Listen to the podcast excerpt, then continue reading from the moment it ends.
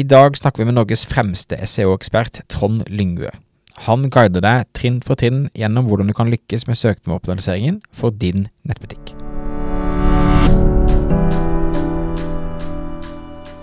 Velkommen til Netthandelspodden.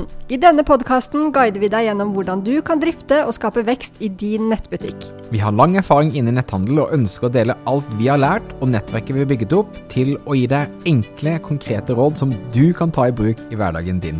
Hver episode har et ressursark knyttet til seg, som du kan laste ned på netthandelspodden.no.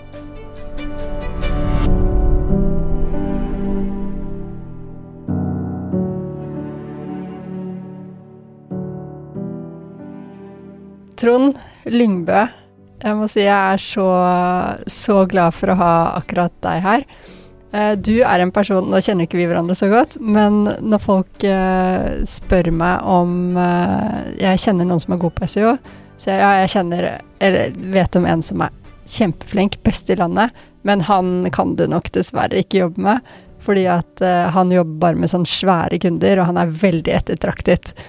Og nå har Thomas og jeg klart å få deg i studio, og vi skal bruke den uh, lille timen vi har, for alt den er verdt. Så ja, det var min eh, lange måte å si velkommen til deg på. Takk. Mm. Ja, tusen takk for at du tar deg tid, altså. Og, og um, SEO for mange nettbutikker er litt sånn ullent, vanskelig, uoversiktlig, og, og hele poenget og tanken vår er jo på en måte å prøve å gjøre det litt, litt enklere for folk å forstå, og, og gi dem noen konkrete verktøy, og liksom, noen, noen skritt. Så kanskje nat først naturlig å, å, å, å, å begynne med er jo liksom hva legger du i SEO? Hvordan forklarer du SEO når, eh, når folk spør deg hva du på en måte holder på med? Hmm. Eh, du kan jo gjerne starte med det å si at um, ordet søkemotoroptimalisering det er jo helt feil i 2021. Mm. Jeg liker ikke ordet i det hele tatt. Um, det sånn jeg holdt foredrag på Det var vel eh, Content Marketing-dagen. Den første scenen, er at det står SEO på agendaen, men det er ikke det vi skal snakke om. Mm. Vi skal snakke om de som eh, sitter på andre siden og bruker søkemotoren. Ja. Og eh, vi skal ikke snakke om selve søkemotoren. Eh, så du kan si når jeg, det jeg legger i søkemotoroptimalisering, det handler om å optimalisere og tilrettelegge for mennesker. Det handler om å bruke SEO mer som et slags lytteverktøy, i sånn stetoskop når du går til legen. Eller du kan ligge deg inntil veggen og lytte på hva folk sier når de ikke kan se deg og de tror du ikke hører dem. Så kan du bruke det til å bli flinkere, du kan bruke det til å lære mer om de, forstå hva de trenger, hvordan du kan hjelpe dem. Eh, de absolutte kravene de har. Eh, men du kan også bruke det, den informasjonen til å lage destinasjoner fremfor å putte inn eh, nøkkelord og den type ting. da. Riktig. Så det, det, er en, det er en litt annen måte å jobbe på enn det var sånn helt originalt, men det, Mm. det essensielle her er at du, du hjelper folk å finne de når de leiter. Ja, så for Mm. min del så jeg, jeg representerer kanskje en mer business-siden ut av SEO enn mange andre gjør. Mange andre de eh, som jeg jobber sammen med, er veldig flinke. Eh, veldig flinke på faget, men mine kunder sier det at de kommer til meg fordi at de ser at jeg forstår forretningen. Mm. Og forretningen de deres handler først og fremst om kunden. Å bli en Mm. eh, hjelpe de med å få Google til å bli en god matchmaker mellom kunder som kan kjøpe det de tilbyr, eh, og eh, kunden da som selger de varene. Eh, min holdning til SEO er at god SEO, da skal ikke du se at jeg har vært der. Hvis du går ned i fotteren på siden og ser at her står det alle nøkkelord du ønsker å rangere på med bynavnet, og du engang ikke har en butikk der som du selger noe. Ja. Det er sånn klassisk eh, sånn Mm. overoptimalisering, linkebygging, Mm. verste sort, Mm. eh, manipulering og lureri. Eh, kanskje litt eh, Konkurranseloven i Norge er kanskje ikke helt glad i den type manipulering av marked og si, forretningssystem skaper jo uro og ustabilitet, uforutsigbarhet. Så eh, man får jo seg en forretningsfordel som man kanskje ikke fortjener. Så linkebygging sånn i skala som mange driver med, er veldig imot. Ja. Fortjente lenker, hvis du lager noe som er skikkelig bra, skikkelig nyttig, en god ressurs, Mm. som blir en destinasjon for folk som er på jakt etter det du tilbyr. F.eks. hvis du driver med interiør. Send de til interiørforside der du har laget et interiørunivers. Men dropp vaskemaskinene. Dyrk selv om du har veldig god margin på den. Ja. Mm. De vil ikke ha en vaskemaskin. Mm. Og litt det samme er det når uh, f.eks. jeg jobber med Elkjøp, så, så er det sånn at uh, vi brøt opp vaskemaskinkategorien. Nei, eh, unnskyld, i hvitevarekategorien i underkategorier som var f.eks. Uh, vaskemaskin, tørketrommel osv. For hvis du skal ha en tørketrommel, hvorfor skal jeg prøve å selge deg en vaskemaskin? Du kommer ikke til å kjøpe det. Mm. Samme gjorde vi med grill. Vi brøt det opp i gassgrill, kullgrill, elektrisk grill, turgrill, pelletsgrill osv. Og, og hvorfor gjorde vi det? Jo, det handler om å skape en støyfri destinasjon når Ja. kunder kommer inn. For det første så vil jo du klare å, å rangere mye bedre. Hvis du faktisk har det kundene vil ha. Google er jo ikke så dum. Eh, Vi kan komme tilbake til Smartere og smartere, har jeg inntrykk av. Ja, smartere og smartere, men de er fremdeles på barnehagestadiet. Okay, ja. De sliter litt med norsk. eh, Ja. samme ord med forskjellig mening. For eksempel barnetøy og barneklær. Det, hvis du selger barneklær, må du for guds skyld kalle det for barneklær ikke barnetøy. Ja. Selger du dørhåndtak, ikke kalle det dørvrider. Mm.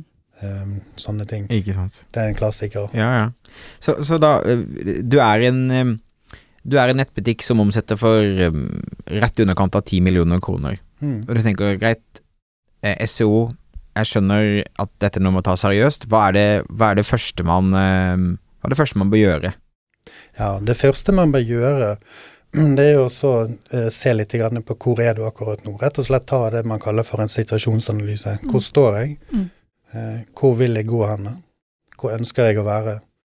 Så må du da gå videre til å sitte deg noen mål. Eh, altså målsettinger. Prioritere én, to, tre. Hvor ønsker jeg å være? Hva er det som er viktigst for meg? Hvilken produktkategori er de viktigste? De som betaler regningene mine, de jeg skal leve av.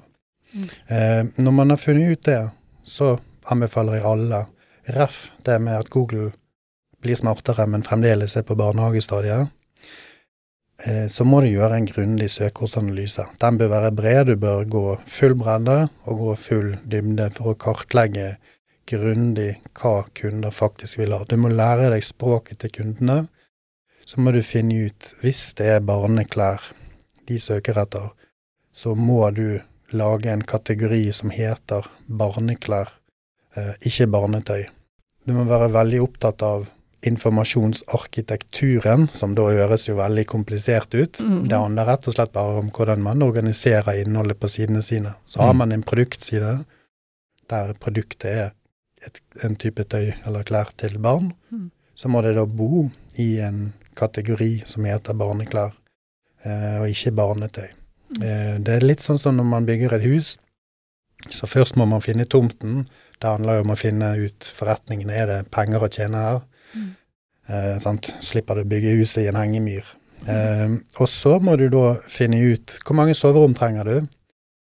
Så må du da skalere grunnmuren eh, etter det. Du kan ikke komme etter du har lagt på takstein, eh, og så finne ut at oi, skulle hatt et soverom til, gitt. Mm. Det blir litt Det vanskelig. blir dårlig stemning. Ja, og det er sånn også når man jobber med arkitekturen på en nettbutikk. Enten det er Shopify eller Magento, eller om det er Jetshop, eller hva man velger å bruke, så er det jo sånn eh, Det gjelder alle. Alle nettbutikkløsninger. Så er den det grunnmursarbeidet man gjør, det å gjøre den søkeordsanalysen, det å forstå hva kundene vil ha, og organisere sånn at kundene får de destinasjonene som jeg da snakker om, som Ja. barneklær vil være. Og da Så- bare for å prøve å break it down, dumme Mm. down så mye som mulig, så um, når du begynner først å se på en måte på situasjonsrapporten av hvordan det er i dag, begynner du da først å se i Google Analytics, hvor folk kommer inn og sånn type ting, eller, eller er det andre steder? Og, og, jeg synes det er et veldig godt poeng med også forretningen, altså hva er faktisk det mest lønnsomme Mm. for meg, hva ønsker jeg liksom å få fram, men, men, men eh, hvor begynner du å se på situasjonsanalysen, og det å kjøre en søke, søkeordsanalyse em, det, det høres veldig lett ut å si, men, Mm. men også hvordan går man fram da? Hva, hvordan fungerer det? Ja. To små spørsmål. ja, det er et veldig godt spørsmål. Jeg vil si at det er et kjempeviktig spørsmål. Uh, så la oss, eh, la oss starte i en ende. Ja. Uh, uh, når man begynner å gjøre det type arbeidet vi har snakket om, begynner med en søkeordsanalyse, Hvordan gjør du det? Hvor henter du innsikten fra? Eh, så vil jeg advare mot Google Search Console og Google Analytics, som er de mest populære verktøyene man gjerne kjenner til når man starter. Det er sånn alle må ha. Du må ha de verktøyene, men vær klar over en viktig ting, og det er det at hvis du gjør en søkeordsanalyse basert på de verktøyene, så vil du aldri få vite om de ordene som kunder søker etter, så de ikke finner deg på. Hvis søkefrasene som du rangerer på, skal bli funnet i Google Search Console, så må du først rangere på de. Det vil si, du kan bli forledet til å tro at barnetøy er det alle vil ha, Mm. fordi du ikke rangerer på barneklær. Så det jeg anbefaler alle å gjøre, det er å zoome helt ut fra ditt eget nettsted. Se vekk fra din egen business etter du har jobbet med målsettingen og funnet ut at hva konkret du vil jobbe med, hvilke konkrete kategorier og underkategorier du vil ha, og så bryte det ned på detaljnivå.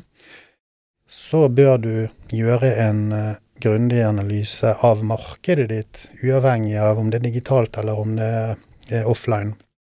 Og den søkeordsanalysen den kan du gjerne begynne med å gjøre i et verktøy som heter keywordtool.io.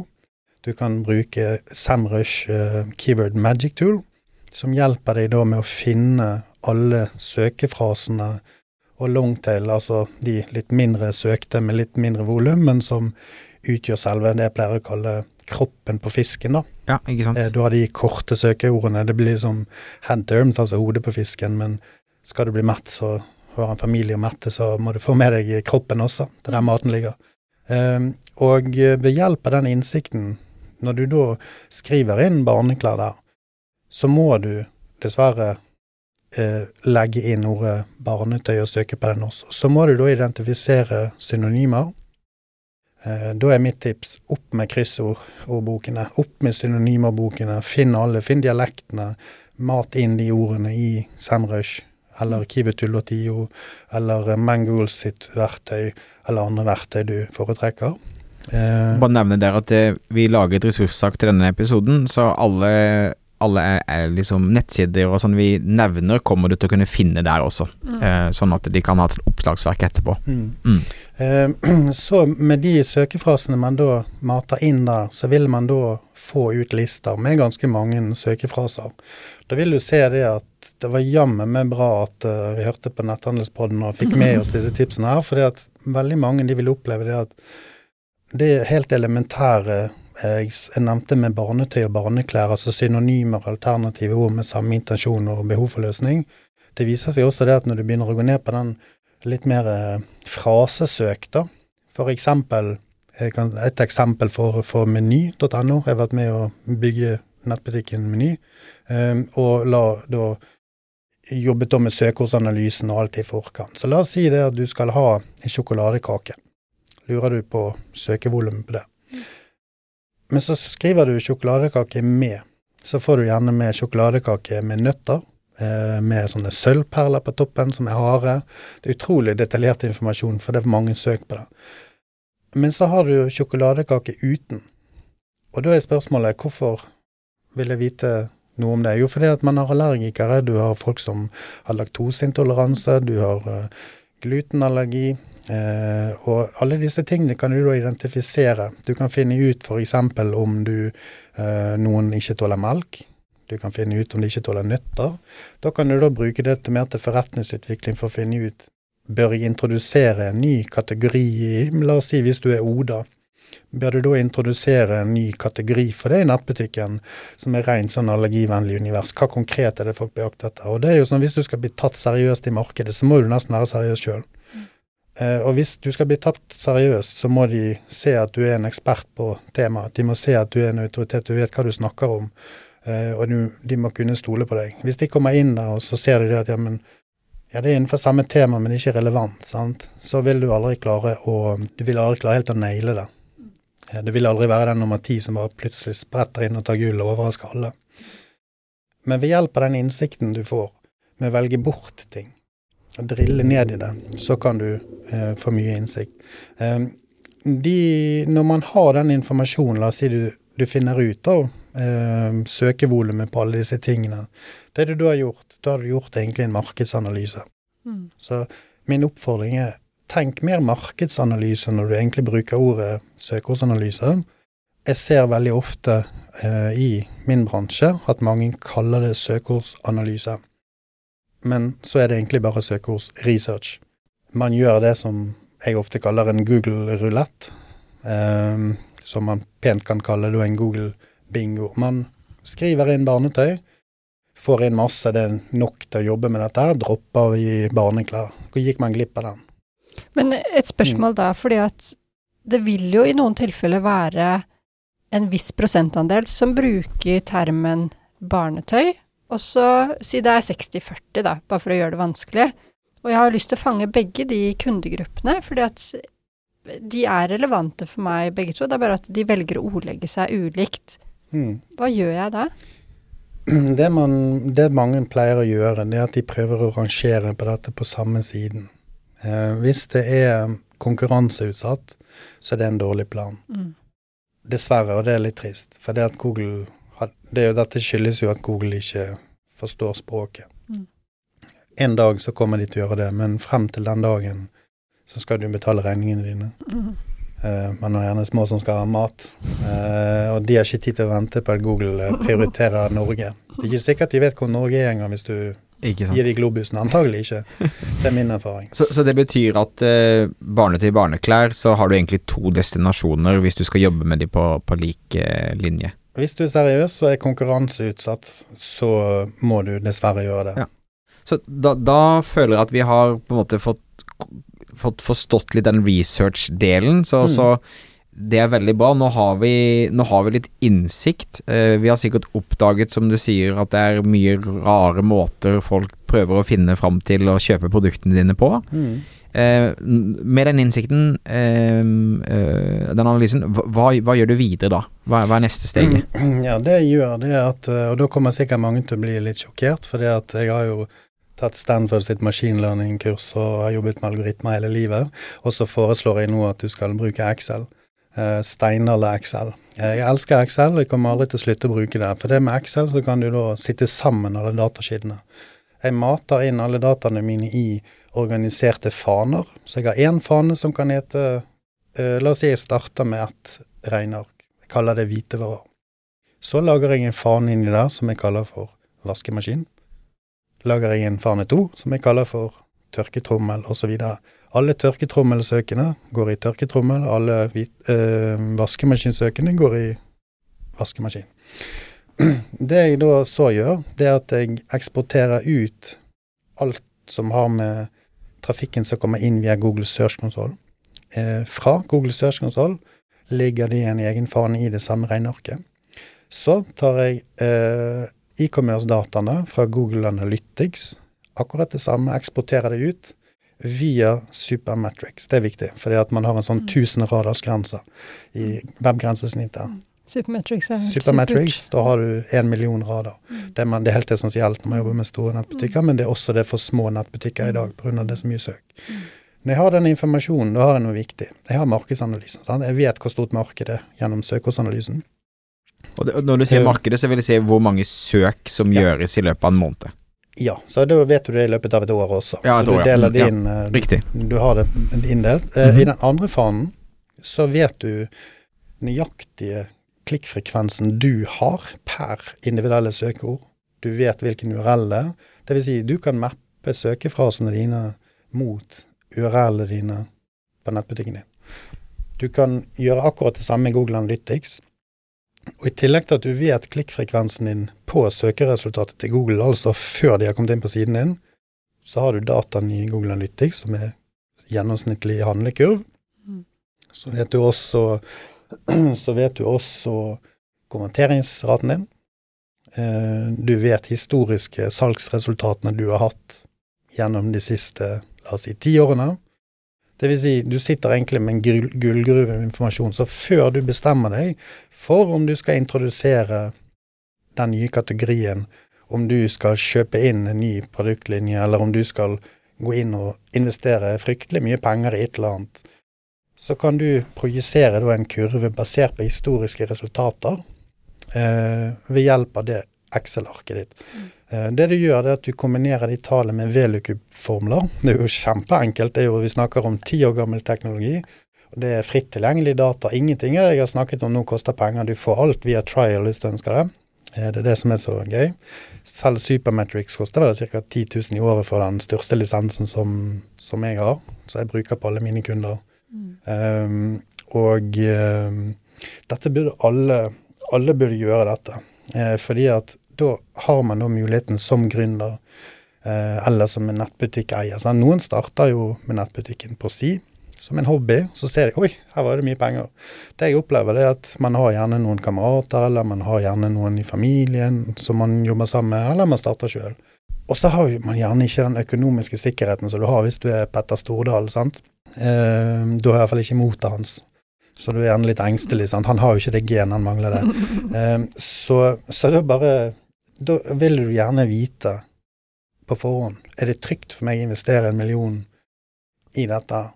Ved hjelp av å gjøre det som jeg nå sa, så har man da muligheten til å kunne beregne ut om det kommer til å virke eller ikke. Den øvelsen gjør jeg hver eneste gang.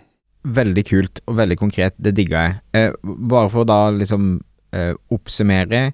Du henter ut den dataen du har hentet ut i forhold til søke, søkeordanalysen, altså det vil Mm. si um, den reelle dataen av hva folk søker på. Og så har du gått i en egen fane der du sier Google Search Console, som, som forteller deg av de um, og hvis de også da har søkt på det samme i Google Search Console hos deg, så vil du se hvor høyt du rangerer og hvor de treffer. Mm. Eh, og så, i Google Analytics-dataen, så ser du at de som har kommet inn via dette søkeordet, eh, det er så og så mange, og eh, du har konverteringsraten, som du sier, og du har snittordreverdien din, så du kan regne ut cirka hvor mye Verdi verdi hver, hvert egentlig besøk er eh, Ja. basert på det. Ja, og det kan du gjøre basert på det som er historisk. Eh, Det du også kan gjøre, det er at du kan bruke de dataene, du kan mate det inn i andre verktøy. For det er sånn som jeg sa med Search Console Google Analytics. Det du ikke er synlig på, det, de dataene mangler du. Mhm. Men nå har du data for fremtiden din. Mm. Du kan mate det inn, du kan bruke f.eks. Power BI, du kan bruke eh, Google Datastudio, du kan bruke andre typer eh, verktøy du liker til enten å visualisere data eller bare ha kontroll på det. Eh, men du kan ikke bruke Google, eh, Google sitt Sheets, f.eks. hvis du er en litt nettbutikk med, som begynner å bli litt size.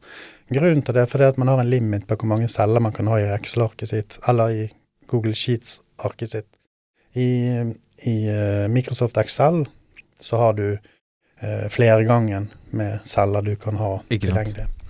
Eh, og det som er det at man kan gjøre, det at man kan også gjøre den operasjonen sånn som jeg sa delvis med et verktøy som heter SEO Monitor.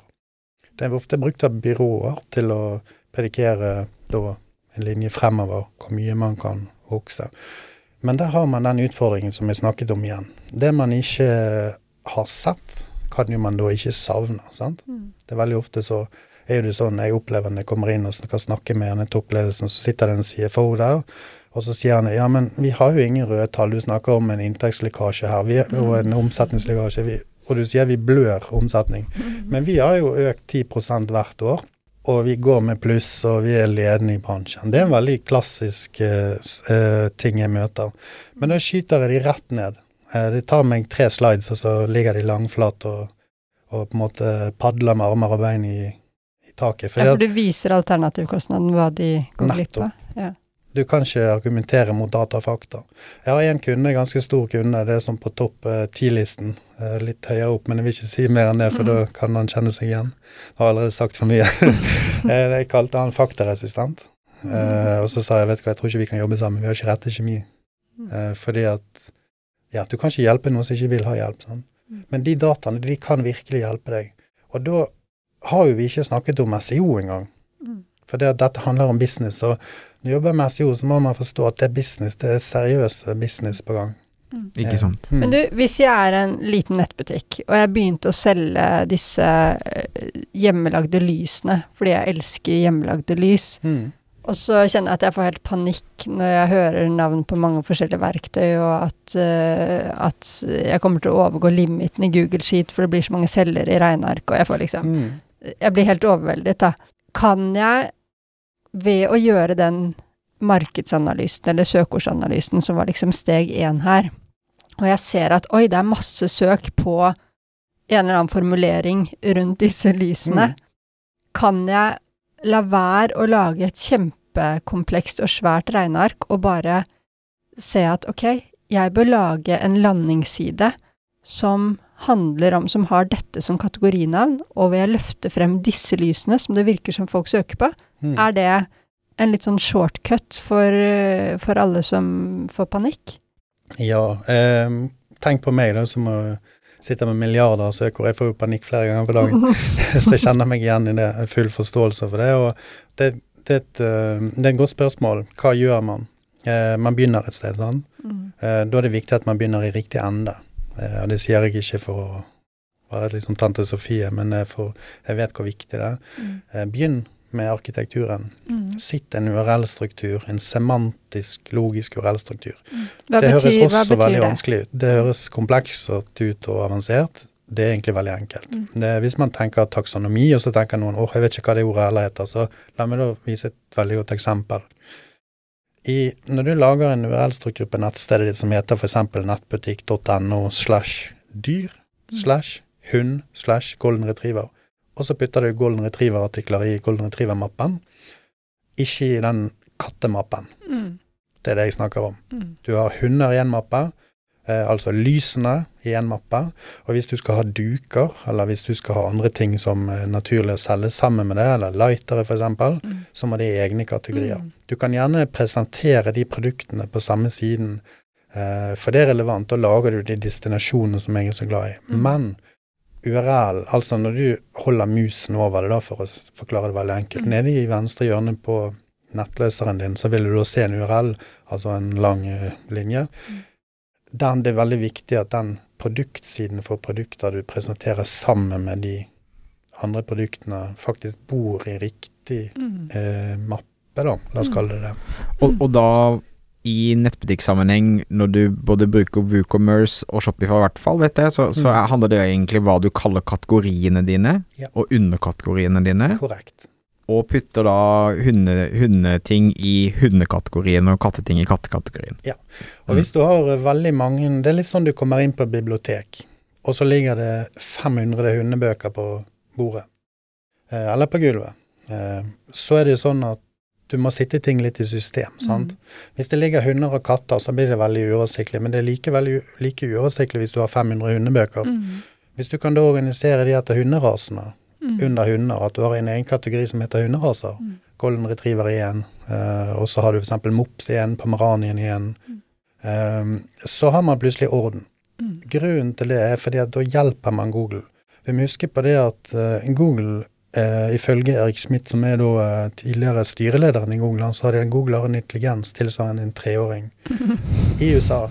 Eh, Godt betalt treåring. ja, spør du amerikanere om hvor mange stater det er i USA, så svarer de fleste eh, 52, eller de, de, de, de vet ikke hvor Norge er på globusen, sant? sånn som jeg sa. Og vi vet at synonymer, det har ikke Google kontroll på. Så det betyr da at vi må ta et steg tilbake, så må vi tenke litt pedagogisk at denne her Google, det er jo liksom en, en slags uh, sånn Thomas på, uh, på tre år, da, i en barnehage i, la oss si, eh, Utah i, eh, i eh, USA.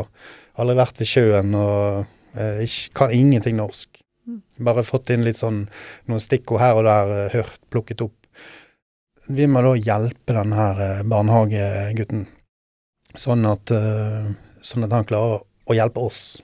Sånn at han kan, vi kan da for bli en god matchmaker. Eh, det er det veldig mange som, som glemmer. Så, så da tar du analysen, innsikten din, og så matcher du det med, med, med din, eh, din bedriftsdata i forhold til Mm. hvor er det størst potensial. Mm. Og så basert på det, så den slags steg tre handler da egentlig om å passe på at nettbutikken har riktig struktur, Ja. eh, eller mapper å putte ting i. Mm. Eh, så du bruker liksom den innsiktsdelen og den analysedelen til, til det først. Ja. Ok, og, og da når jeg da har em, Jeg selger disse duftlysene. eh, jeg har eh, lagd riktige kategorier og passet på at eh, min Shopify eller MyStore eller whatever følger den logiske strukturen. Hva, hva er neste steg etter det? Fordi at vi har, vi har for, for mange tror jeg som lytter på, så har vi jo ennå ikke egentlig begynt å snakke om, om, om, om SEO eh, i aircourts-delen. Og Det er jo det som er så spennende her, er at det er jo så mye mer, og du kan lære Allerede nå har du sikkert lært masse om businessen din med å bare følge denne prosessen, ikke sant. Og bare Shit, lavendelduftlys, det er jo supermange søk, og det er jo faktisk det som scorer høyest på konverteringsraten min på nettbutikken min, og der har jeg en best margin osv. Mm. Lavendelduftlys, det er der jeg skal liksom kjøre på. Hva, hva, hva, gjør man, eh, hva gjør man etter det? Når du skal ha en nettbutikk, eh, sånn som jeg sa, start i riktig ende, start med arkitekturen. Eh, det har noe å si, fordi at det skaper en presedens. Eh, ting som kommer etterpå, vil avhenge av at du gjør det første riktig. Mm. Ellers må du på en måte rive litt ned. Mm. Eh, når du jobber med UX, og du jobber med designet på siden, så er det veldig viktig at den kundeinnsikten sant? Du ønsker jo å lage et kundesentrert nettsted. Er i synk med det designet du lager. Ellers blir det bare webdekor. Det er jo liksom de gamle bøkene sier det. liksom Det er det det blir. Um, hvis du får UX-designeren til å legge på f.eks. brødsmulesti som speiler URL-strukturen din, sånn at du får en brødsmule som har en brødsmule som Du klikker på den, så kommer du til barneklær, Mm. eller du kommer til hvitevarer, eller hva du har i den Mm. eh, kategorien, eller underkategorien som den produktsiden ligger i. Alle produktsider bør ha en brødsmulesti. Mm. Det er veldig viktig, for det at når Google skal crawle det nettstedet og få en oversikt for å forstå hvordan sider relaterer til hverandre, hvordan du skal rangere de for ulike søkefraser, så er det veldig viktig at Google kan crawle opp i strukturen. Mm. Det er veldig mange som tenker at ja, men det er veldig viktig med forsiden. Ja, forsiden er veldig viktig. Det er den mest eh, eh, autoritative siden på hele nettstedet ditt. Men Google eh, er ikke så veldig opptatt av den forsiden. Google crawler gjerne forsiden din for å finne veien igjen. Eh, du kan hjelpe Google med å få navigere rundt på nettsiden din med å eh, lage da en sånn stram silo med kategorier underkategorier, til organiseringen der. Så legger du brødsmuler, sånn at Google kan gå fra en produktside. La oss si du har en produktside eller en artikkel du lager, som får veldig mye trafikk inn. Google finner en link, følger den inn på din produktside. Så kan Google da navigere opp et nivå. Der vil den da finne alle de andre produktene dine. Der har du kanskje helt nye produkter som er nettopp kommet. Det vil hjelpe deg med å få indeksert og rangert de veldig raskt. Det er noe innen bransjen som vi kaller for orphan pages, altså de rett og slett barnløse eh, sider. Vil si, Google finner ikke linker til de sidene. Dette er et veldig effektivt redskap å rett og slett få det inn i UX-designet, få den inn. En annen viktig ting som jeg anbefaler alle til, det er å opprette en brands-side, eller en, la oss kalle det en merkerside. Eh, Jernia, som er en annen kunde som jeg har jobbet med i mange år, så eh, er de et veldig godt eksempel på det. Gå inn og se på deres produktside. Eh, produktsider er det man kaller for en, eh, en PDP innen e-commerce-språket. Eh, og så ser man da på hvordan vi har linket sammen eh, brands, f.eks. en Weber-grill. Så se på hvordan vi har linket sammen Weber til eh, en brandside der vi har samlet alle Weber-produktene. Så det gjør det at Google da vil veldig raskt forstå. La oss si iPhone, og når du kommer med en ny lansering av et produkt, så kan du stole på det at Google har URL innenfor de andre produktsidene, som har hatt i mange år. Du er gjerne eh, Google crawler linken kommer inn, ser den linken til den brandsiden, lagrer den og crawler den ofte. Er du et stort nettsted, så kommer Google inn veldig ofte. Der vil Google med en gang du legger inn et nytt eh, produkt, f.eks. en eh, iPhone 13, tror du de tør å si 13, eller blir det 14? Det blir 13. Det blir 13. Ja. Ja. Ja, jeg har sett produktsidene, så jeg vet jo hvordan det er. Oi, Men, oi, oi. eh, men, eh, men sånn er det. Eh, privilegert nordmenn, det er sånn det skal være. Eh, og eh, da vil Google veldig raskt klare å plukke opp den eh, siden. Eh, det vil også være en annen ting. Det er at vi vet det at folk søker etter f.eks. merkevare pluss et ord til. Vi ser det kommer stadig flere lange ord. Det jeg da snakker om med den brandsiden, er at du har, bygger en struktur. Veldig skalerbar, enkel struktur. Du sitter den én gang, og så bare går det på autopilot av seg sjøl. Så vil du klare å fange opp de eh, to- og trestavelsesordene dine med merker, eh, pluss modell osv. Og så vil noen si er det noe vi kan gjøre på nivå over produktsiden? Og Der er det noe veldig viktig som alle må passe på å være veldig klar over. Og Det ene tingen er det at eh, du vet på en produktside, det som man nå på netthandelsspråket kaller for en PLP, eh, så har du en mulighet for å sortere. Eh, Product listing page? Korrekt. Ja. ja. Eh, og eh, jeg er litt miljøskadet. Jeg har jobbet med dette i så mange år. Sånn trebokstavsforkortelser. ja. Eh, og så eh, har man da en mulighet til å sortere den listen med produkter, da. Eh, F.eks. etter pris. Du vil ha høyeste først og laveste nederst, eller du vil ha populære produkter. Når du gjør det på de fleste nettbutikker, så vil du se at URL endrer seg. Og det betyr at du genererer da nye URL-er med det samme innholdet. Eh, og det betyr på godt norsk duplikatproblem. Eh, altså du har mm. duplisert innhold som Google ikke er glad i. Du har ingen penalty for det. Mange som sier de har en uh, panda penalty. Eh, det er et filter. Uh, et filter er ikke det samme som en straff. Et filter betyr at du blir rett og slett bare ryddet bort hvis Google ser at du har den samme informasjonen på masse URL-er, mm. så blir du filtrert bort. Men så kan man si ja, men da er jo det en straff, for du blir jo ryddet ned i skuffen. Ja, det er kanskje det.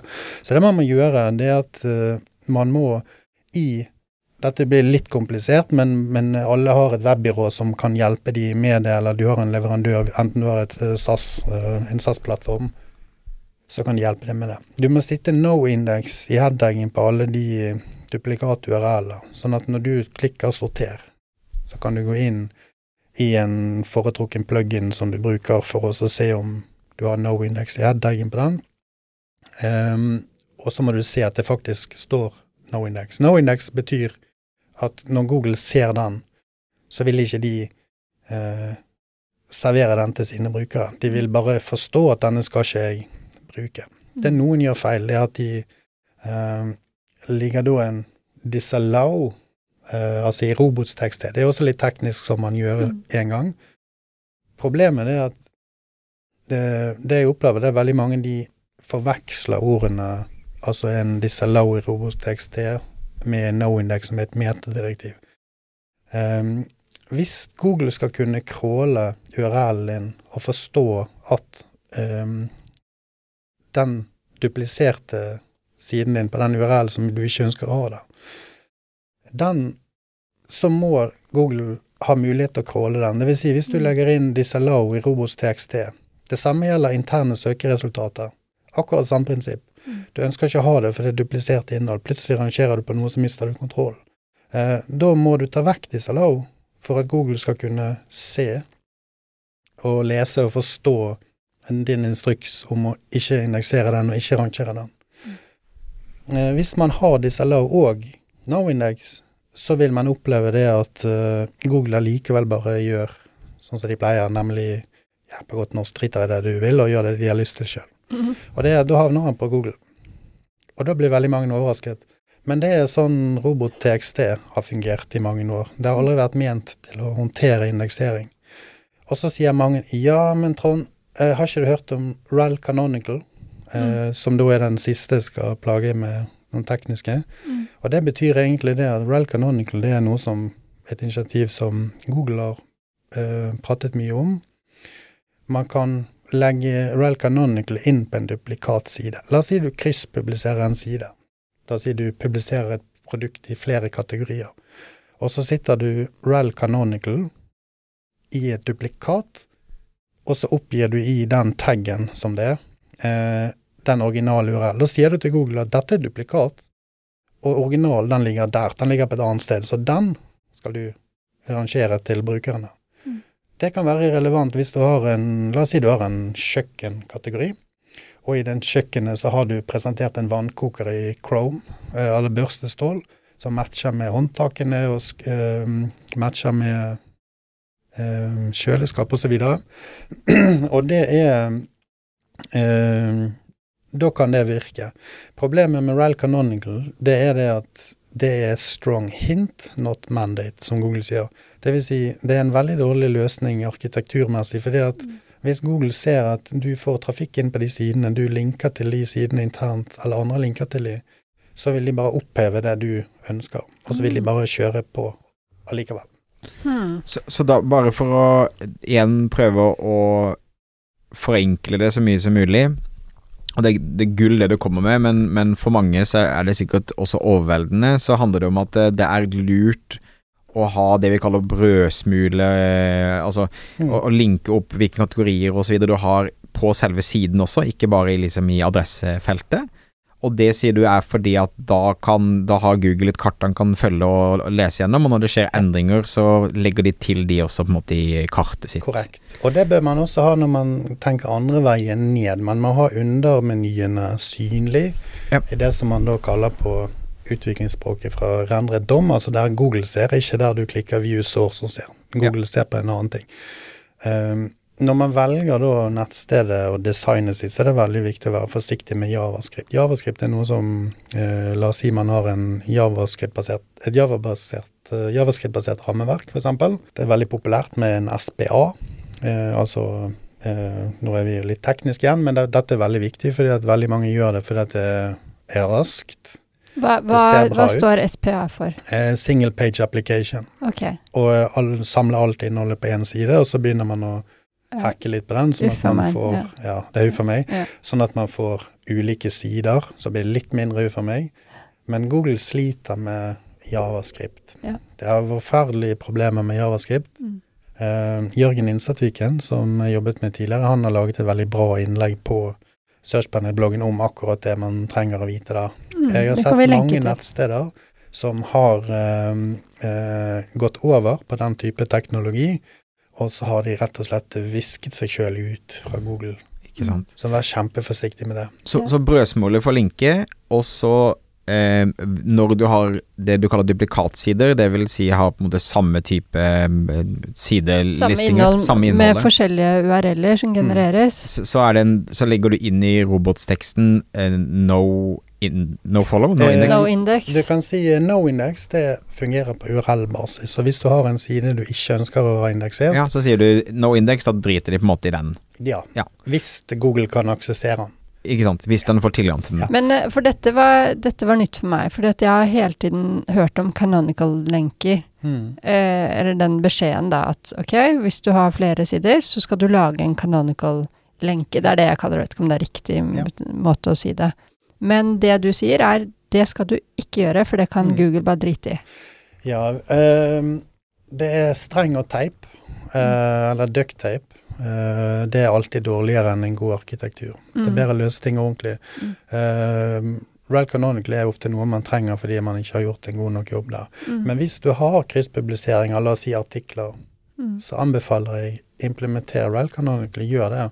Mm, ok. Men bare vær klar over at det er ikke nødvendigvis fasiten. Det er ikke nødvendigvis det Google velger å gjøre, men det er Mm. en, en anbefaling. I de fleste tilfeller så vil Google gjøre det.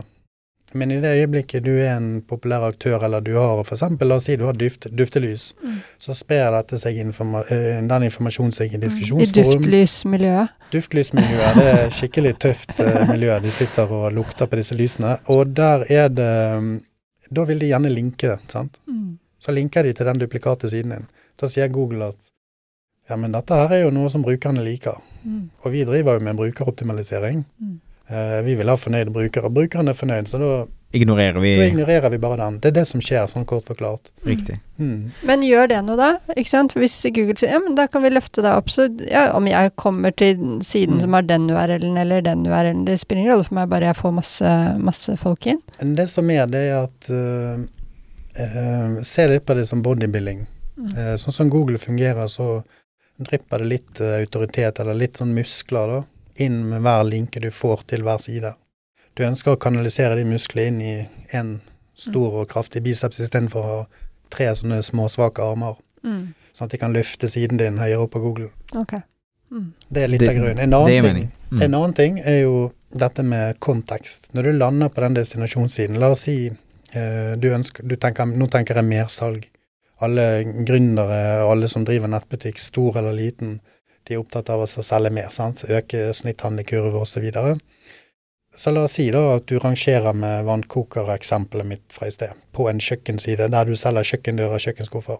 Istedenfor så burde du kanskje rangert på den kategorien som du hadde matchende vaffeljern. Mm. For hvis du pusser opp kjøkkenet ditt, eh, og du skal begynne å matche vannkokeren, da kan jeg love deg at da skifter du ut resten. Altså, du har ikke den røde, kjedelige kaffekannen heller. Du skifter antagelig ut den også. Ikke sant. Antagelig også kjøler.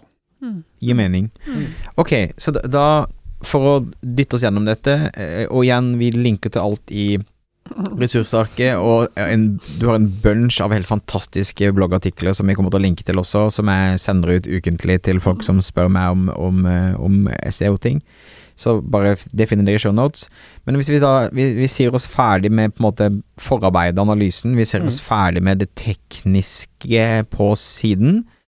Ja, sier vi oss ferdig med det tekniske? For du, her må du si Ja, vi har én ting jeg kan gjerne ta med da. Uh, så kan jeg si meg fornøyd, og det er det at én ting er jo det man gjør én gang, og så en annen ting er at man må ha kontroll. Ting endres, synes jeg, men alle som driver med noe som går på strøm, de har hørt om bugs. Eh, man Mhm. releaser noe, så forsvinner noe av det man fikk laget. Eh, etablere en struktur på XML sitemaps. Eh, for de som ikke vet hva XML sitemaps er, så hvis man har f.eks. WooCommerce og sånn, så grav dere frem i den. Hvis dere har uh, Yoast SEO f.eks., så er det et veldig godt eh, verktøy der. Så har Yoast laget klar XML sitemap som går på sidetyper.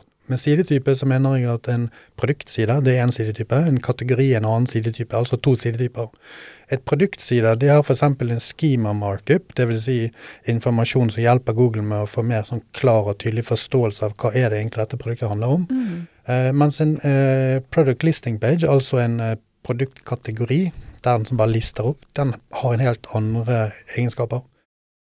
Så du ønsker å skille de, de to i eh, lister med ureller som bare inneholder den sidetypen, som da på et teknisk språk bare La oss bare si det er en XML-fil.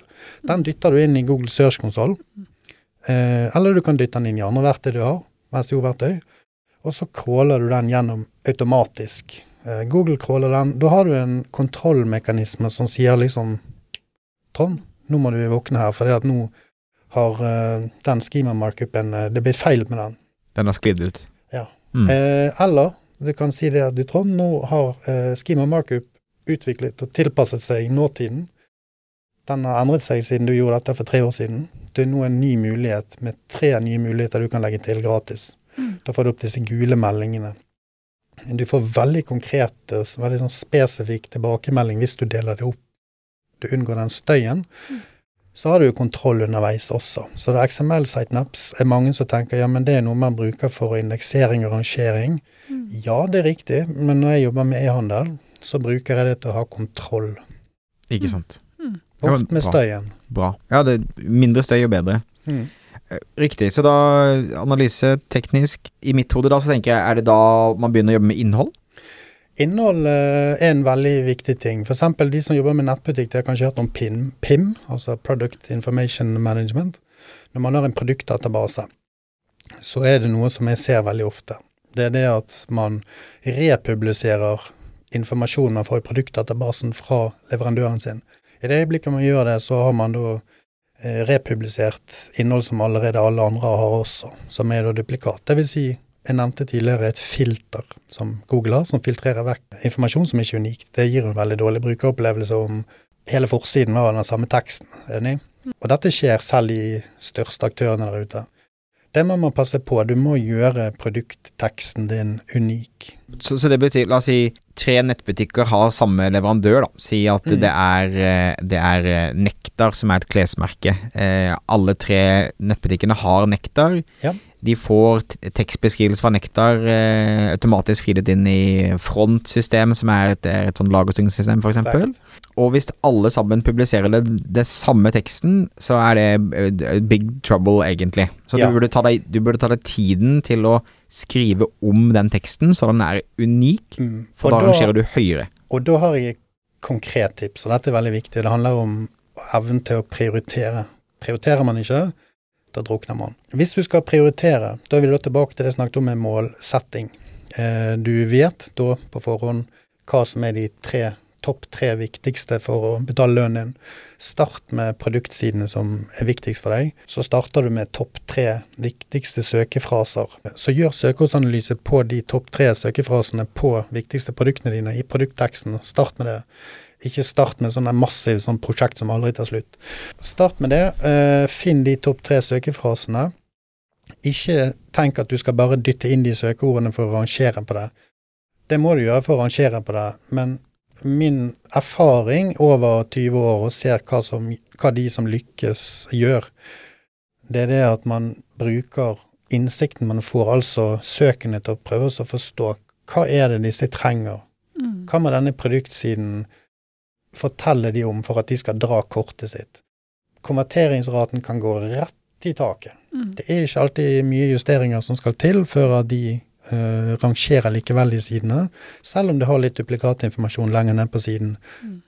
så kan du rangere veldig godt på den måten. Mm. Anbefaler det på det sterkeste. Kjempe. Altså, jeg elsker det du sier nå, fordi at det det handler om, det er å forstå kundene sine og bry seg om kundene Mm. sine. Og det å fjerne fokus fra alt det der tekniske, Mm. men heller forsøke å lage en best mulig nettbutikk for deg som kunde, som jeg bryr meg om. Ja. Og det tjener man jo faktisk på, og det er jo gode nyheter, da. Ja, og så la oss si da at du sitter der så tenker du søkeordsanalyse og verktøyene og Semrush og Ja, men åh, jeg har sliter jo med Word, liksom. Og ikke, bare ikke snakk om uh, aksessdatabaser og jeg syns e-post er vanskelig, og jeg har kanskje dysleksi også, så jeg klarer ikke å skrive inn riktige ordene. sant? Eh, Jeg møter på alle disse utfordringene, og vi løser de hver gang. Eh, I sånne tilfeller, la oss si du er veldig busy, du sitter med én unge på hver arm og skal skrive innimellom telefoner og bleier og sånne ting. Og da er det sånn at gå til et verktøy som heter answerthepublic.com. Skriv inn det som temaet handler om, det som produktet handler om. Skriv inn produktnavn eller hva du måtte ønske i Answer the Publish, og trykk eh, kjør på-knappen. Eh, så vil du da få veldig gode tankekart med spørsmål og svar, som er hentet ut fra Google-universet på en mye mer eh, lettfattelig og forenklet måte.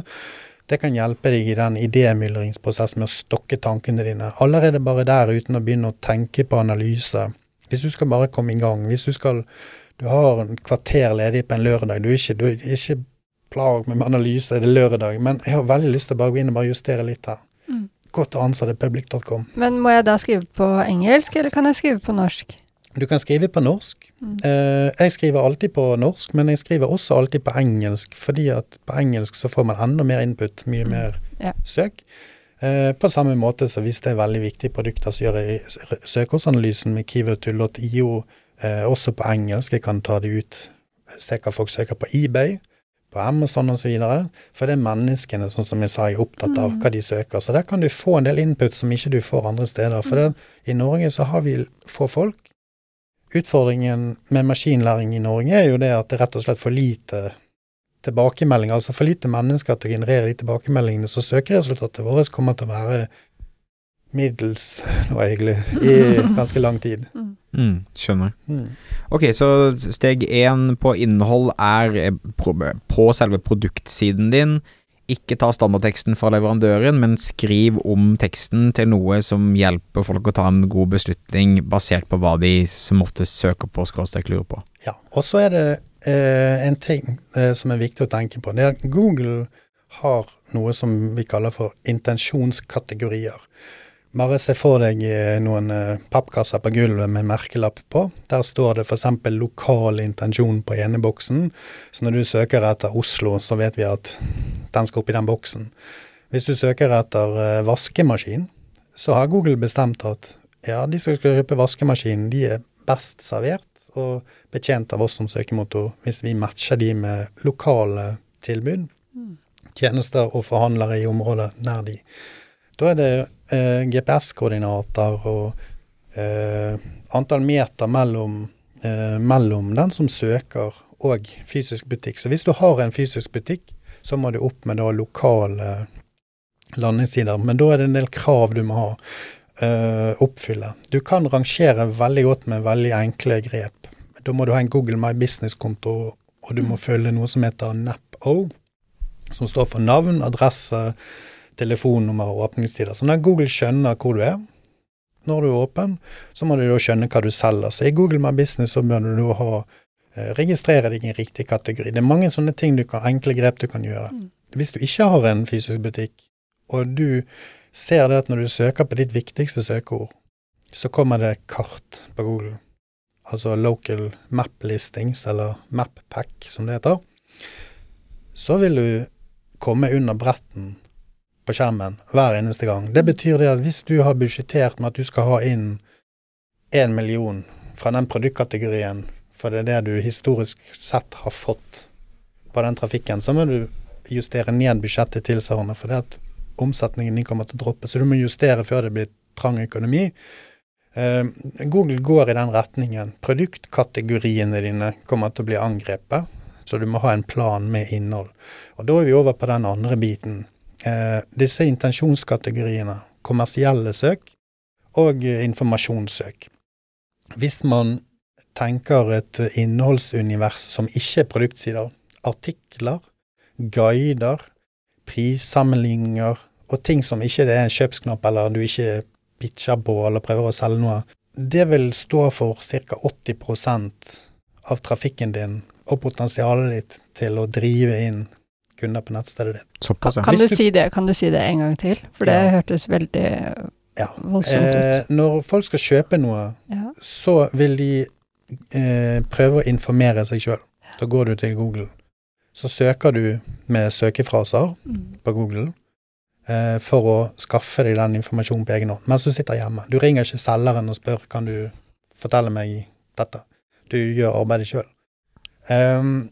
Og eh, da er vi da inne i en, eh, en sånn eh, en sånn kjøpsprosess, og ikke en salgsprosess. Og når man er i en kjøpsprosess, sånn som handel blir transformert til i dag, så vil den informasjonsjakten den vil starte før du kommer til kjøpsjakten. Vil si, hvis du skal først konvertere en, en kjøper til å bli en betalende kunde, eh, så må du først gi dem informasjonen de trenger. Eh, du må gjerne guide de, de lurer på hva er det som er best i test, mobil f.eks. Så er jo det en eh, Da kan det være en, et informasjonssøk, eller hva trenger jeg, hva, hvordan, når Og Betyr det da Det du egentlig sier, er at eh, en nettbutikk som skal være fremtidsrettet, må ha annen informasjon enn 'kjøp produktet mitt pga. X'? Det vil si, de burde ha eh, høstens eh, trender, eh, jakkene som er populære i vinter. Mm. eh, sånn finner du riktig skostørrelse. Altså, du, de, de må ha innhold eh, på siden sin for å kunne ta til seg mest mulig av den eh, organiske søket. Google, eh, akkurat der har Google kommet veldig langt. De er blitt veldig flinke til å klassifisere søkefraser riktig. Eh, hvis du blander kommersielle og eh, redaksjonelle søkefraser, så kan du risikere eh, at du Du blir ikke straffet for det, du blir ikke filtrert, men du klarer på en måte ikke å løpe i mål til gull, da. Mm. Eh, fordi at, la oss si, eh, featured snippet, altså de rike utdragene som av og til kommer over søkeresultatet, eh, de vil man aldri få med en produktside. Legg merke til det neste gang du søker. Mm. Det er fordi det er den kommersielle intensjonen. Google sier det klart og tydelig. Produktsider og kommersielle søk skal aldri opp der. Hvis du da blander sammen disse her på samme siden Mm. uh, Hvis du har en kjøpsknapp på en måte i artikkelen din, så vil Google skjønne det og gjøre at du ikke kommer opp der på toppen. Ja, det er en kompleks sak. Med forenklet så kan man, kan man si det. Men Ja. man må selvfølgelig integrere dette med nettbutikken sin. Og man kan lenke til produktsidene for mer informasjon.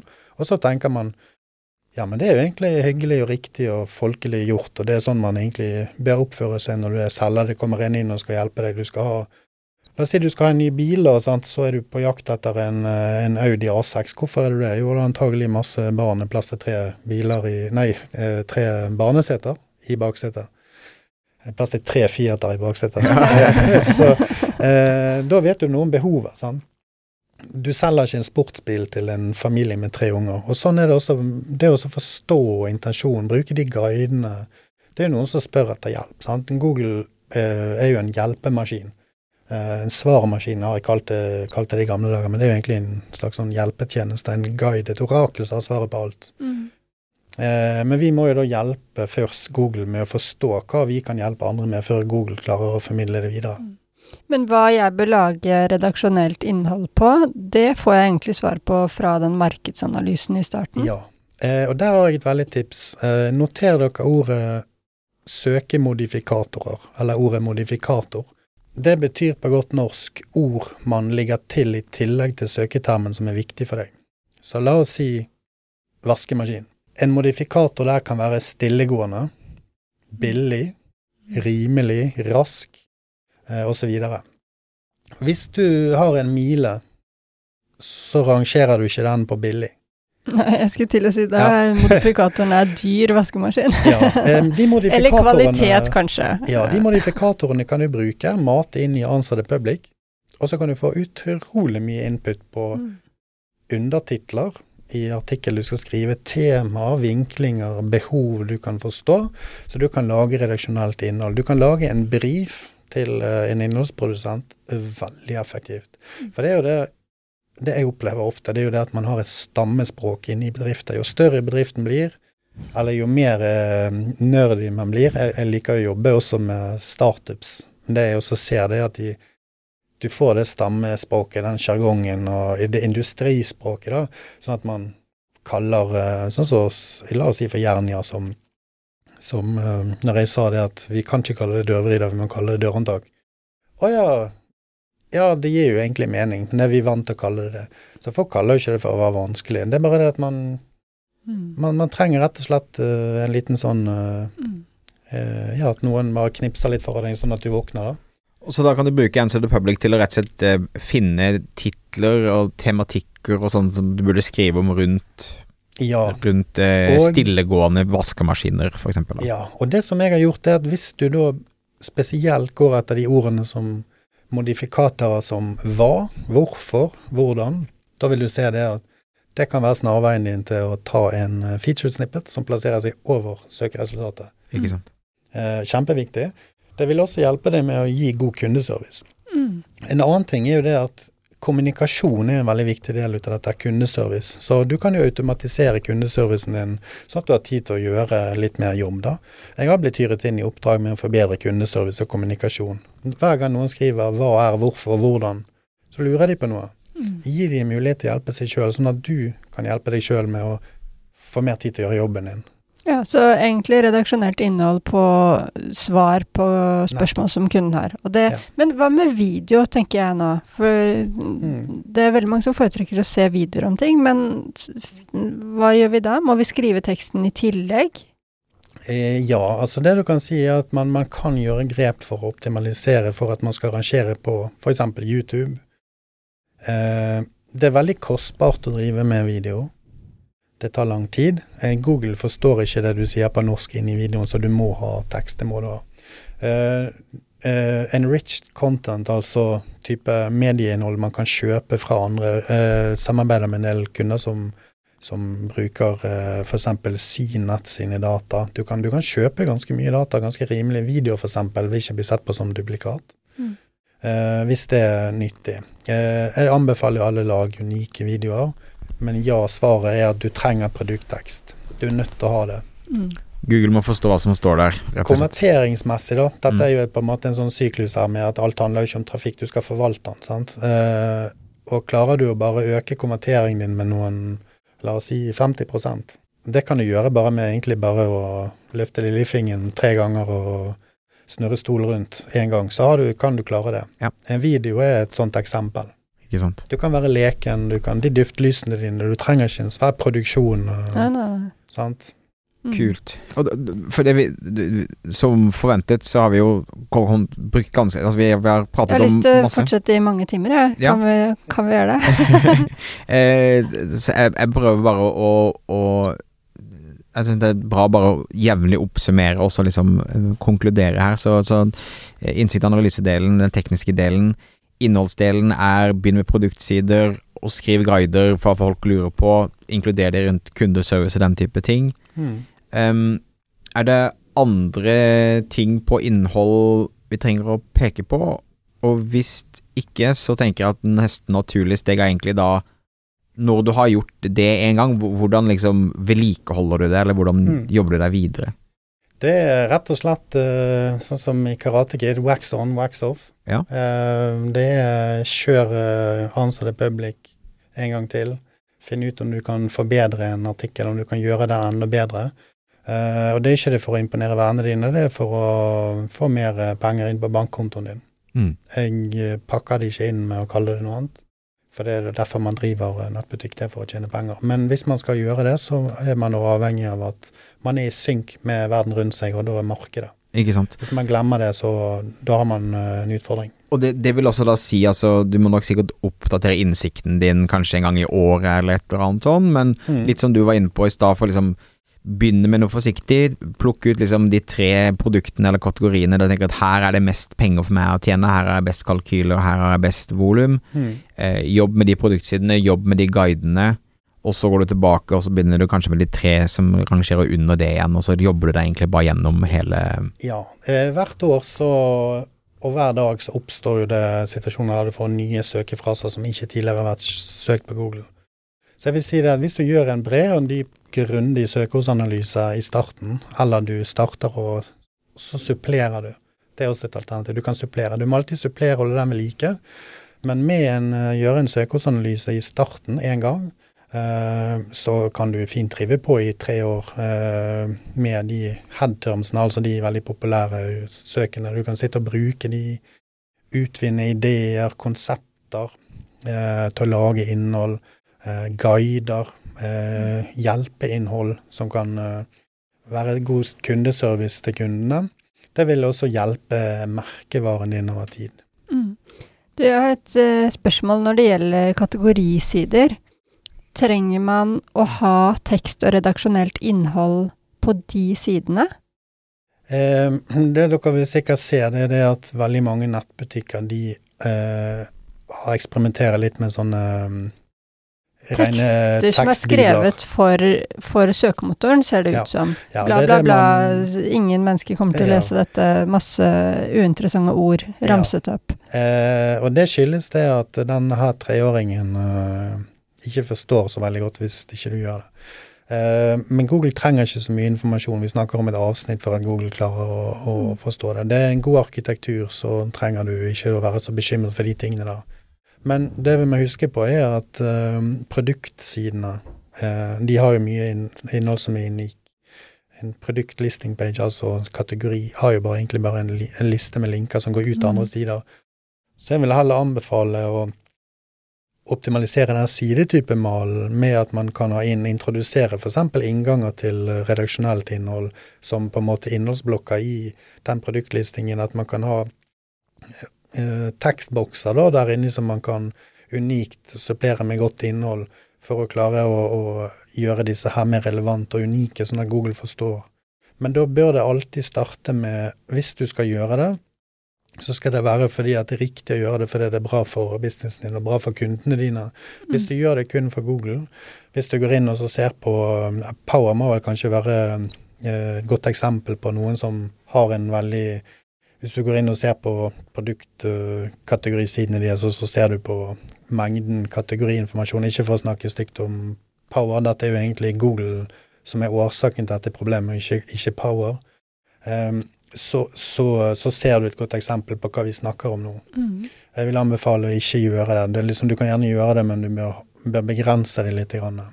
Men hvis man, hvis man gjør det, for du sier på en måte at det har en, har en effekt, at Ja. du kan få økt synlighet, men spiller det da noen rolle om man plasserer den teksten i toppen, eller i, for de 20 som ser Mm. siden din på desktop, om det er på siden, eller om det er nederst på siden? Ja, eh, Google vektlegger eh, prominente plasseringer på siden. Eh, hvis de ser at du har eh, innholdet ditt på en såkalt prominent plassering, altså i toppen, så er den viktigere enn det i bunnen. Samme er det med linker. Hvis du har en linke i en artikkel, så er den viktigere enn hvis du har den i foto eller i navigasjon eller i, en, i, i eh, en, et annet sted på siden din. Mm. Eh, så spørsmålet ditt er Hvis det virker, skal man da gjøre det. Eh, du har en, eh, noe som kalles for en overoptimaliseringsmottiltak, da, som Google har eh, kommet med for å ta de. Eh, I Norge vi er litt utenfor radaren, så vi får liksom gjøre en del som vi vil. Og så av og til så bare kommer Google med slengen, og så bare røsker de ut alt som er der. Det skjer jo ofte. Det samme er linker. Sikkert uh, noen vil savne hvorfor ikke vi snakket om linker. Det passer inn her fordi at linker, det virker jo. Hvis du fortjener linkene, hvis noen linker til destinasjonen du har laget, for den er helt unik, den er kjempebra, her har du svar på alt, det er ditt eget univers, den anbefaler du videre til andre noen gjør det frivillig, da er det fortjente lenker, altså link-earning som vi snakker om. Da er ikke det linkebygging som om du plasserer linker. Hvis du driver med linkebygging, du har et byrå som driver med å plassere linker mot eh, betaling, eller i egne eh, nettverk av mm. sider og blogger som du mm. eier eller administrerer, eller de har en avtale med noen, så er det et brudd på Google sine retningslinjer. Brudd på den mest alvorlige eh, regelen. Det heter link scheme. Så hvis man søker link scheme, melder om Google, så har du all informasjon du trenger. Hvis noen selger linkebygging, eh, løp derifra. Mm. Det er mitt råd. Mm. Bra. Ja, veldig bra. Det, det er doping. det er doping. Jeg har et, et, et, siste spørsmål jeg i hvert fall sitter på, er hvor raskt kan jeg se noen resultater etter dette? Altså, når jeg har begynt å oppdatere produktsidene mine og kategorisidene mine og har skrevet litt guider og sånn, mm. um, når kan jeg forvente å se noe som helst endring eller effekt i Google? Der vil mange bli overrasket. Uh, store bedrifter har store budsjetter. Store bedrifter trenger lang tid. Små bedrifter uten budsjetter kan bare hamre gjennom og bare plassere seg på toppen hvis de har lyst. Så det handler her om når du står opp om morgenen, har du lyst til å bare gå inn og ta plasseringen, eller har du lyst til å satse på minste minimum og gjøre det du trenger for å være sånn passe? Hvis du vil være nummer én, og det ikke er aktuelt å være noe annet, så gå inn og gjør skikkelig, gjør uh, analysearbeidet ditt. Uh, gjør uh, ansette public-øvelsen sånn at du får alle modifikatorene med hva, hvordan osv. Svar på alle spørsmål, ikke bare topp tre. Ta hele Rukkela. Send det ut på Google, publiser det. Gå inn i Google Search Console, lim inn URL til den siden, den er helt ny. Uh, be om at den blir indeksert. Uh, da vil det gå mye fortere enn hvis du bare venter til ting skal skje. Hvis du har gjort jobben riktig, og du på nettstedet ditt også linker til den siden internt fra andre sider, det må være naturlig, det må passe inn sånn, uh, så kan du forvente at dette her kan gå fryktelig, fryktelig eh, raskt, som er jo feil å bruke ordet fryktelig. Men jeg har sett det at eh, små eh, startups, eh, eller små nettbutikker, f.eks. du nevner Duftelys. Eh, jeg har sett eh, aktører, sånn mammabutikker på hobbybasis som har startet opp og gjort dette her i engelskspråklige land. og bare totaldominerer de store. De store slipper ikke til.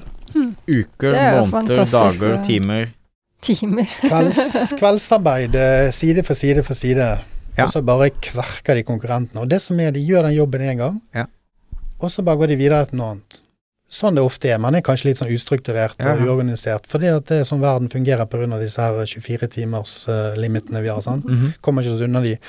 Um, de som jeg kjenner som har gjort det som jeg har sett, som jeg ser tallet og hjulpet de med dette her, de har egentlig bare fått de samme tipsene de har fått nå, men de har lyst. Når de står opp om morgenen, så er de motivert. De er sultne, de er gira. Mm. Eh, litt sånn, har du litt sånn light ADHD, eh, de type trekkene der, eh, og du er på en måte eh, Står i dysjen og kommer på ideer og mm bare tenker 'shit, nå, mm -hmm. nå, kjører vi på'. Gjør det. Mm. For det at eh, Om det er Salando eller om det er Procter Gamble. Jeg har sett sånne aktører bli knust igjen og igjen og igjen. Jeg blir faktisk overrasket uh, hvis Procter Gamble eller noen av de store i det hele tatt klarer å stå imot en enkelt gründer på Majorstua som står opp av lyst om morgenen. Har du lyst, men du har bare fem kroner i lommen, spar de pengene til noe annet. Og bare gå inn og så bare Følg oppskriften. Følg oppskriften. Kult. Veldig bra, altså. Jeg, jeg, har et siste spørsmål. Kjør på. Eh, og det, for Vi har snakket om at det skal gjøres, men jeg lurer på hastighet på siden. For mm. jeg kan jo gjøre alle disse tingene, og så lager jeg innhold, lager store artikler, jeg har den mm. fine videoen, og jeg lenker hit og dit. Jeg lenker til alle mine sosiale mediekanaler, tilfelle noen vil spre der. Ja. Og så ender jeg kanskje opp med en veldig tung side. Og hvordan mm. Kan du bare si to ord om det med hastighet? Ja, det var Hvordan kunne jeg glemme det? Mm. Eh, der eh, det der må vi korrigere litt. fordi at det som er, det er at hastighet, og så har man hørt om Core Web Vitals, Det har man ikke, men uh... og uh, ting som har med brukeropplevelse, altså ting må gå fort, da. ja. Eh, og så må man da zoome litt ut, og så må man se hvorfor vil man det. Jo, hvis man bor i India, hvis du bor i et eller annet land som teknologi koster penger, internettlinjen koster mye, de har ikke den 5G-linjen vår fra Telenor, eller hvis du er uheldig og bak 3G hvis du er på hytten.